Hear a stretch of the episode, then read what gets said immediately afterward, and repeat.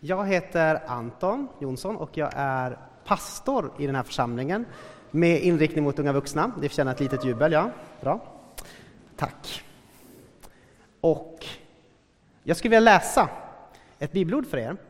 Och det är från Johannes evangeliet kapitel 6. Och från den första versen där till den femtonde. Och då står det så här.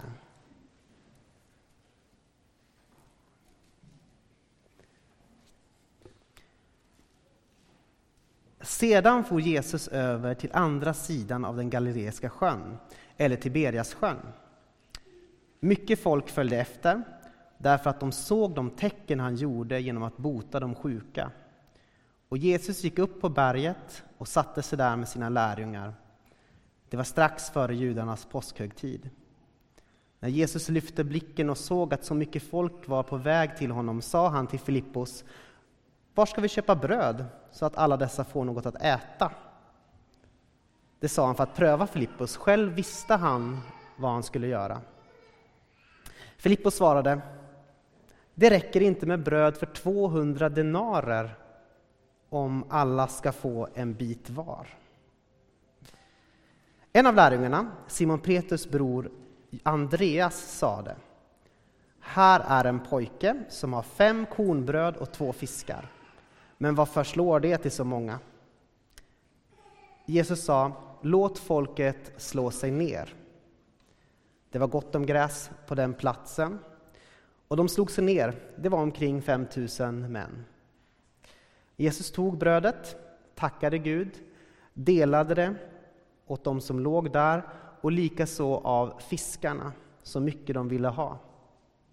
När de hade ätit sig mätta sa han till lärjungarna, samla ihop bitarna som har blivit över så att ingenting förfars. De samlade ihop dem och fyllde tolv korgar med, de bitar av, med bitar av fem, de fem kornbröden som hade blivit över när de ätit. Då människorna såg vilket tecken han gjorde sa de, detta måste vara profeten som ska komma hit till världen. Men Jesus förstod att de tänkte tvinga honom med sig för att göra honom till kung, drog han sig undan till berget igen i ensamhet. Det finns en eh, ryskfödd amerikansk artist som heter Regina Spektor. Och hon har skrivit en sång som heter Samson, som jag har här eh, tagit mig friheten att översätta en strof ifrån. Tack så mycket för eh, de förväntansfulla suckarna. Och då står det så här. Woo! Historieböckerna glömde bort oss och Bibeln nämnde oss inte, inte ens en enda gång. Och det här är en predikan för dig som känner dig bortglömd av både Bibeln och historien. Det här är en predikan för dig som känner att Bibeln inte riktigt rymmer berättelsen om dig. Inte ens en enda gång. Och det här är en predikan om kvinnor och barn. Berättelsen om det här brödundret, det är en av två berättelser som nämns i alla fyra evangelier. Evangelierna, det är ju berättelserna om Jesus. Och när man, de här fyra olika evangelierna ska berätta om Jesus så väljer de att betona lite olika saker. De väljer att eh, berätta det lite olika, vad som händer. Och när de ska berätta den här historien om brödundret, hur de här fem bröden och två fiskarna kunde bli mycket mer än vad det var från början, då väljer man att berätta det på lite olika sätt. Evangelierna skrivs ner några årtionden efter det att Jesus har dött och uppstått. Det är som att den tidiga kyrkan känner att man behöver lite tid på sig för att smälta vad som hänt, att liksom kunna reflektera över det. Att liksom säga, men vad var det egentligen som hände? Så efter ett tag så börjar man skriva ner de här sammanfattningarna av Jesus. Och sist ut är Johannes evangeliet som vi just läste ifrån. Eh, det är skrivet cirka 90 efter Kristus. Och det är också kanske det evangeliet som är mest annorlunda Det är det som är mest eftertänksamt, som berättar på ett mer liksom djuplodande sätt kanske, lite meditativt. Det är inte speciellt märkligt att berättelsen om brödundret har fått en så stor spridning att den, alla vill berätta om det. Det är ju ett ganska maffigt mirakel. Fem bröd och två fiskar mättar en lagom stor svensk hockeyarena full av galileiska bönder. Och vi vet alla hur mycket galileiska bönder kan äta. Och här, i den här berättelsen, får vi en antydan av att Jesus är livets bröd, den som verkligen kan mätta våra behov. Och vi får också en liten bild av hur Guds rike fungerar. Alltså, ta någonting litet,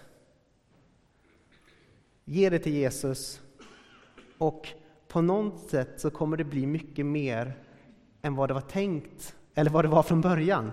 Det är liksom som att den här guden som alltid arbetar med det som är oansenligt och litet, han kan få det som är oansenligt och litet att bli mycket mer. Han kan få fem bröd och två fiskar att räcka till en hel hop med människor. Han kan få det att räcka till, ja, hur många är det egentligen det räcker till? Markus, Lukas och Johannes är ganska samstämmiga när de menar att det var mm, 5 000 män som har ätit. Eller ja, omkring 5 000 män, säger några. Okej, okay. så typ 5 000 människor, sådär på en höft. Ganska många. Men det är Matteus som fäller den lite försmädliga kommentaren det var omkring 5 000 män, förutom kvinnor och barn. Och det är då vi inser att män i det här fallet inte är en förkortning för människor. Det är några som inte har räknats med. Det är så att justeraren och tillika rösträknaren har inte tagit sig tid till att räkna alla. Om Bibeln nämnde oss inte, inte en enda gång. Det finns en kamp i evangelierna och det är en kamp mellan Jesus och lärjungarna. Och det är en kamp som handlar om vilka som ska räknas.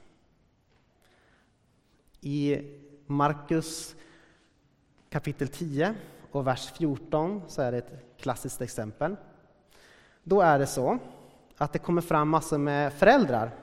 Inget ont om föräldrar, men de kan vara lite jobbiga. Eh, de kommer fram med sina barn till Jesus. Och de vill få sina barn välsignade av Jesus. Klassiskt föräldrar. Eh, så lärjungarna, de blir lite otåliga, för de har viktigare saker att göra. De vill inte att deras ministry ska störas av de här eh, osnutna ungarna. Och eh, de här ammande mödrarna, som dessutom är lite oanständigt. Nej, det tycker jag inte. Så man försöker liksom vänligt att visa bort de här. Tack så mycket, nu kan ni gå härifrån. Vi kan ta det här någon annan gång, eller inte. Ehm, och det är då som Jesus blir arg. Och han säger Låt barnen komma hit till mig och hindra dem inte. Guds rike tillhör sådana som dem. Sannerligen, den som inte tar emot Guds rike som ett barn kommer aldrig dit in. Och Jesus han säger ju då att barnen räknas, att Guds rike tillhör dem. Att den som inte tar emot Guds rike som ett barn aldrig kommer komma dit in. Alltså, barnen räknas mer än vad lärjungarna gör. Lite av en uppläxning. Eller som när Jesus är med en samarisk eh, kvinna vid en brunn. Hon är dubbelt uträknad. Hon är ju både, tillhör ju samarierna, som är så oförskämda att de inte ens kan tillbe Gud på rätt sätt. Och så sen så har vi det att hon är en kvinna, och en kvinna som inte är så jättebra på att hålla ihop sina äktenskap. Och lärjungarna, när de upptäcker att Jesus pratar med den här kvinnan, så säger de, de säger ingenting. Det står att de blev förvånade över att han talade med en kvinna.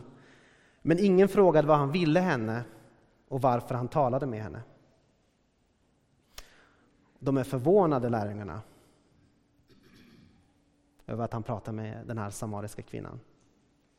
Kanske är de tysta på ett lite nedlåtande, talande sätt. Liksom, nej, inte riktigt lämpligt. Vi frågar ingenting om det, hoppas att det försvinner. Där borde Jesus vetat bättre. Och kanske är det inte så konstigt då att när evangelierna skrivs ner, jag håller på att välta den där, av lärjungarna, så är det som att återigen så glöms de här kvinnorna och barnen bort. Man glömmer bort dem. Och de glöms bort tills dess att Johannes evangeliet nedtecknas. Efter ungefär 20 extra år av idisslande, teologiserande och mediterande så ställer sig Johannes frågan Vänta ett tag. Var det inte en pojke med någonstans där i berättelsen? Och han skriver så här. Simon Petrus bror Andreas sa här är en pojke som har fem kornbröd och två fiskar. Det är ungefär det som står om den här pojken. Och helt plötsligt är det någonting som sker. Det visar sig att de här som så ofta har varit borträknade, de här liksom förutom, förutom kvinnor och barn. Det är de här förutom som är själva axeln som hela brödundret snurrar kring. Om det inte vore för den här pojken som Andreas upptäcker i folkhopen så skulle inget under ha skett. Och det är när de här borträknade kommer med sina gåvor som ett under kan ske. Berättelsen fortsätter så här. Jesus sa, låt folket slå sig ner. Det var gott om gräs på platsen och de slog sig ner. Jesus tog brödet, tackade Gud, delade till dem som låg där och likaså fiskarna så mycket de ville ha. Här finns det ett eko av nattvarden. Jesus tog brödet, tackade Gud och delade.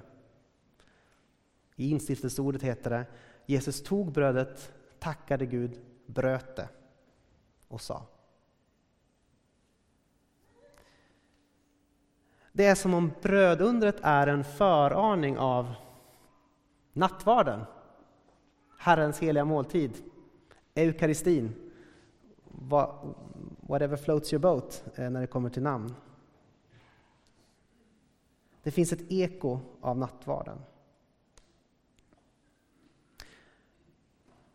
Och Jesus ger både i brödundret och nattvarden,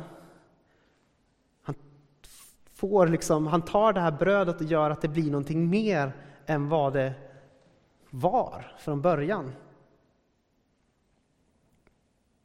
Någonting utöver det vanliga sker. Fem bröd blir mat till tusentals. Och bröd binder ihop miljontals människor till Kristi kropp. Det hela börjar med vanligt bröd som någon har bakat någonstans. Och det kan vi lätt glömma bort, att det börjar ofta ett arbete någon annanstans. Och utan det här arbetet, utan de här förutom som vi inte räknar med, så skulle det inte bli någon nattvard, det skulle inte bli något bröd under. Och i olika nattvardsordningar så finns det olika sätt att komma ihåg de här förutom som har gett oss brödet. Vi påminns om att av jordens frukt och människans arbete bereder du åt oss livets bröd. Det vill säga, Gud ger oss ett brödunder genom att ta jordens frukt och människans arbete, de här förutoms arbete i sina händer och från det skapar han en överflödande måltid. Och det vore lite väl, det vore bra om vi som kyrka hade mer en nattvardsblick på världen. Det vill säga en blick där vi ser att vårt liv, vår välgång, vår andliga hälsa, allt det hör ihop med andras arbete, med andra människor. Det andliga och det jordiga hör ihop. Det finns massor av människor som vi varje dag räknar bort. Det finns människor från vilka historieböckerna glömmer bort. På andra sidan av många av våra smarta telefoner finns det människor som vi inte räknar med. Det finns människor som slavar för att bryta fram mineraler. Det är lätt att glömma bort det. Att många av de här som gör det är såna här förutom som barn som arbetar med det. Barn som den här äh, pojken som kom fram med sina fem bröd och två fiskar.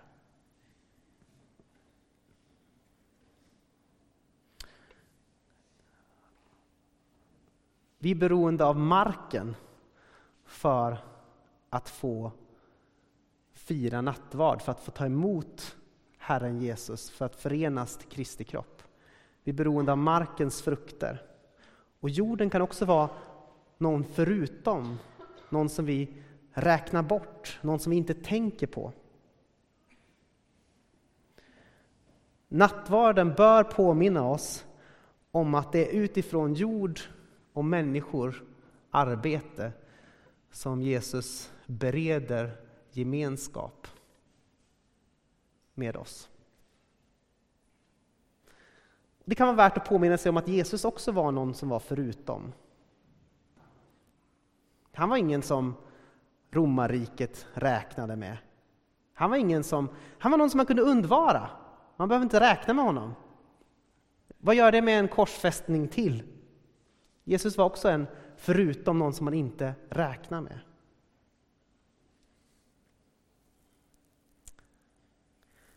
Och det som nattvarden skulle kunna göra det är att säga, ja men kom ihåg dem. Kom ihåg dem som är förutom. Det är för brödundret är beroende av dem. När de ätit sig mätta sa han till lärjungarna, samla ihop bitarna som blivit över så att ingenting förfars. De samlade ihop dem och fyllde tolv korgar med de bitar av de fem kornbröden som hade blivit över när de hade ätit. Från det lilla som den här killen bär fram, från den här ganska magra måltiden, så kommer ett överflöd. När vårt lilla arbete bärs fram till Gud så kan Gud göra att det blir ett överflöd av det. Det blir tolv fulla korgar. Och det är därför som en kristen aldrig ska kännetecknas som någon som är snål. För vi vet att grundtillståndet om Gud är på riktigt, det är inte brist utan det är överflöd. För vi vet att vårt lilla utsäde som vi planterar i Jesus kan ge hundrafalt, eller åtminstone trettiofalt, igen. I Jesus finns ett överflöd som ska fördelas till många. Och I den tidiga kyrkan så brukade man vara så att man Lite grann som när, det, när vi har de här adventsmatkassarna i kyrkan, att man samlar in dem här framme. Så gjorde man i den tidiga kyrkan när man firade nattvard, att man, man samlade massor med mat. Alla medlemmar kom med mat. Så att det, blev, det var mycket mer än vad som behövdes för att fira nattvard. Och det här när man hade firat nattvarden så bars det här ut till de fattiga, eh, till de som var bortglömda, till de som var borträknade av romarriket, som, som var uträknade. Och Och det delades ut till de som var hungriga och inte tilläts hitta mat i gårdarna och byarna runt omkring. Korgar av mat delades ut och brödundret upprepades ännu en gång. Och de kristna de kunde göra det för de visste att eftersom Gud finns, finns ett överflöd. På ett sätt kan man säga att man bär tillbaka de gåvorna man har fått för de som är förutom tillbaka till dem. Det är liksom en cykel. Av människors arbete och jordens frukt bereder Gud räddning för alla. Det kanske är så att du känner dig bortglömd eller uträknad på något sätt. Kanske känns det som att det inte finns någonting för dig. Att du är bortglömd av historien. Att inte ens Bibeln ser dig. Då kan du veta att det finns någonting för dig. Ditt lilla arbete, dina små böner, även om du är uträknad eller borträknad, använder Gud för att bereda frälsning i samarbete med dig. Du spelar roll.